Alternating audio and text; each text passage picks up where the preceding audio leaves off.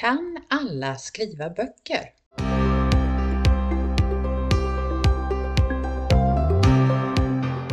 Hej och välkomna till Konsten att sabba en story. En podd om skrivandets vånda och glädje.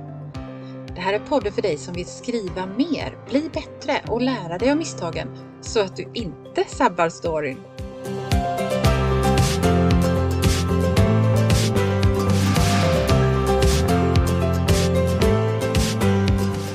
Jag heter Anna-Karin Svanå. Jag är skrivarcoach, lektör och författare. Men nu sätter vi igång!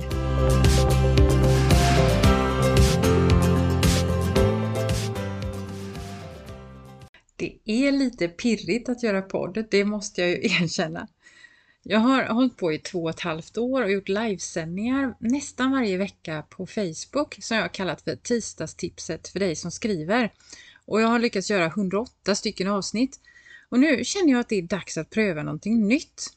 Och den här podden kommer att innehålla skrivtips, precis som eh, tisdagstipset. Men jag vill också gå lite mer på djupet med mer personliga reflektioner också. Men det kommer fortfarande att handla om det här att våga börja skriva, att göra skrivande till en del i vardagen och tips då om hur man kan förbättra sitt skrivhantverk. För er lyssnare som inte vet vem jag är så heter jag alltså Anna-Karin Svanå och jag har jobbat som gymnasielärare i över 20 år men numera jobbar jag med mitt eget företag som skrivcoach och lektör och jag har skrivarkurser bland annat. Numera är det på webben nästan alltid. Jag skriver ju också själv. Jag älskar att skriva och hitta på berättelser men mycket är mellan mig och datorn enbart. Jag har också gett ut tre barnböcker och en novellsamling för vuxna och så har jag medverkat i några samarbetsprojekt också. Och den första boken kom ut 2013. Jag funderar på det här, den här frågan, kan alla skriva böcker egentligen? Jag läste en artikel alldeles nyss i min lokaltidning som eh, intervjuade sångpedagogen Marie Jakobsson och hon får ofta frågan om alla kan lära sig att sjunga. Och hon svarar då att det tar ju längre tid för vissa än för andra. Men tycker man att sjunga är roligt så kan man utgå från sin egen förmåga och ta det därifrån. Jag tycker att det är lite likadant när det gäller skrivande. Den som tycker att det är roligt att skriva kan ju också lära sig att göra det bra. En del får öva väldigt mycket och för andra går det lättare. Det finns ju människor som har en särskild begåvning för berättande och att uttrycka sig med ord, men jag tror inte på den här gamla föreställningen om det ensamma geniet som sitter på sin kammare och på inspiration skriver odödliga böcker. Nej, enbart talang gör ju inte någon till författare. Och ingen skriver en bestseller utan att ha tränat sig och skrivit väldigt mycket innan. Alla framgångsrika författare har övat mycket, misslyckats och skrivit om och skrivit mer och prövat nya vägar, misslyckats igen och skrivit ännu mer och sådär.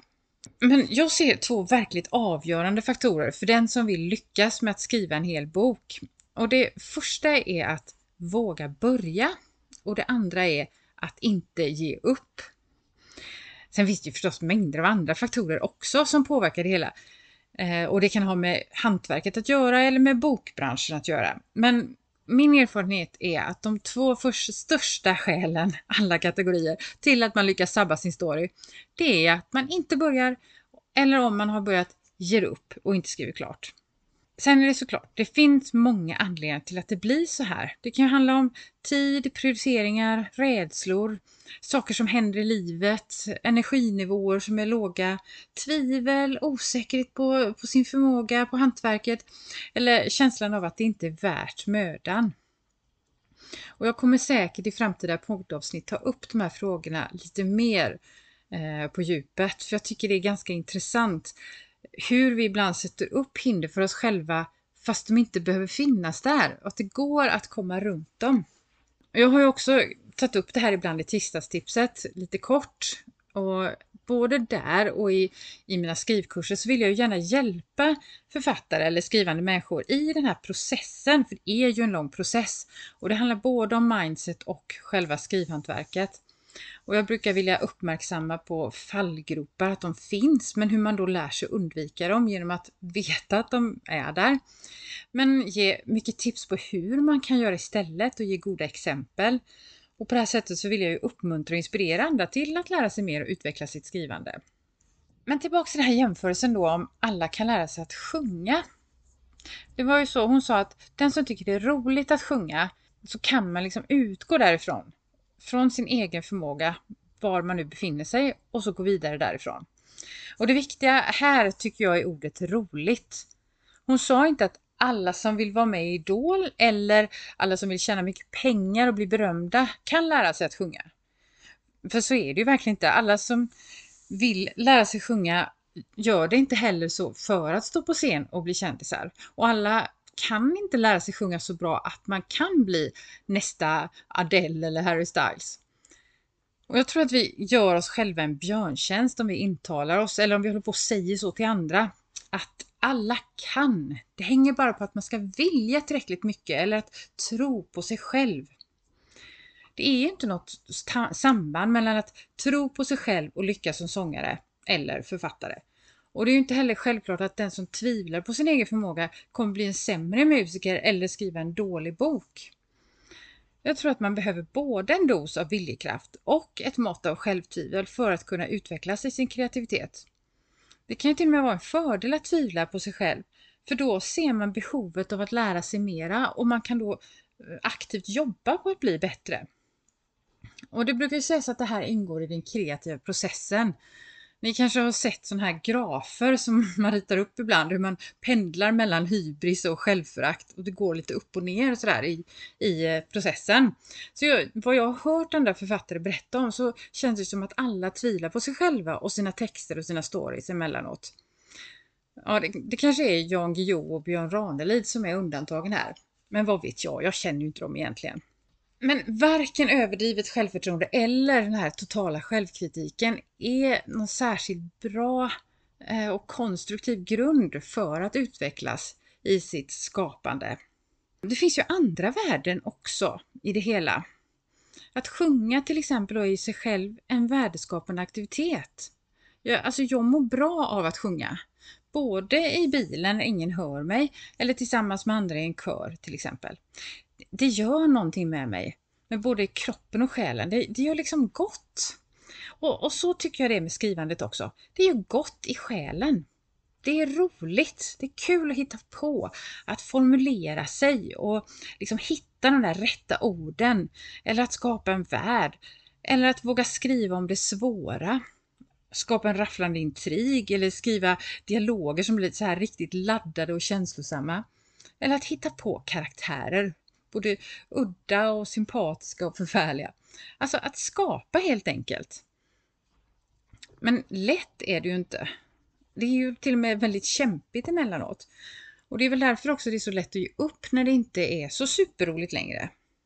Det är ju nästan som det här när man ska börja träna. Man vill eh, gå på gym eller börja jogga eller något sånt där. Första gången så tycker man ofta att det är kul. Eller jag tycker så i alla fall, för då känner jag mig så duktig. Men sen blir det inte lika eh, inspirerande när, när musklerna verkar och det är jobbigt att andas och man inte känner sig sådär bra längre. Eh, det är då man behöver sin uthållighet. För annars så, så kommer man ju verkligen ingen vart. Men måste man vilja så mycket med sitt skrivande då? Jag sa ju nyss att alla som vill lära sig sjunga inte gör det för att få stå på en scen och få applåder. Och jag sa väl säkert uttrycket framgångsrik författare också. Som om det var det enda målet för en skrivande person. På något vis så är det så pretentiöst det här att skriva, eller att säga jag skriver. Det får lätt den klangen på något vis att det är pretentiöst. Om jag jämför med en annan kreativ hobby, som att eh, måla akvareller eller så, så om jag berättar det för någon så brukar ju den jag pratar med då inte riktigt förvänta sig att jag gärna ska ha stora utställningar och sälja massor med tavlor och bli rik eller så. Kanske lägger ut det på Insta. Och det tycker folk är trevligt då. Men om jag inte vill lägga ut några bilder på Insta på det, om, på det jag har målat så är det ju inte heller någon som liksom protesterar och tycker att jag är konstig. Det är liksom en helt okej okay sysselsättning att skapa bara för mig själv. Men om jag berättar att jag brukar skriva på min fritid då blir det liksom helt andra förväntningar från omgivningen. Det kan ju vara allt från de här förvånade minerna som säger Jaha, ska, ska du skriva en bok? Eller Åh, vad roligt, när kan jag köpa den? Och jag tror att det är många av oss som skriver som har det som en målbild, att ens berättelse ska finnas som en bok på biblioteket eller i bokhandeln. Eller kanske som en ljudbok på Storytel. Och det, det är en härlig känsla att hålla sin egen bok i handen. Det tycker jag verkligen. Men jag tycker också att man ska komma ihåg att det är helt okej att ha olika ambitionsnivåer med sitt skrivande. Någon strävar efter att skriva en bestseller och en annan kanske vill skriva för barnbarnen eller bara för sig själv och det är lika okej. Okay. Så tillbaks till den här frågan nu då. Kan alla lära sig skriva böcker? Jag tror att alla som tycker det är roligt och gärna vill skriva också kan utveckla sin förmåga och skriva bättre. Men alla kommer inte skriva storsäljande böcker, även om man jobbar hårt för det. Men det kanske inte heller är målet för alla skrivande personer. Det är inte det som avgör om det är värt att skriva eller inte. Den här podden riktar sig till dig som gillar att skriva, som vill skriva mer och skriva bättre. Oavsett om du skriver för att få Augustpriset eller för att du vill skriva för din egen skull.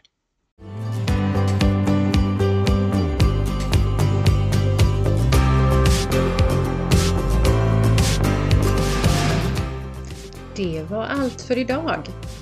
Om du gillar podden skulle det vara toppen om du tipsar andra skrivintresserade. Titta gärna in på min hemsida www.annakarinsvana.se. Där hittar du en gratis minikurs om att börja skriva och där finns också mer information om mina tjänster och kurser. Men nu är det dags att börja skriva!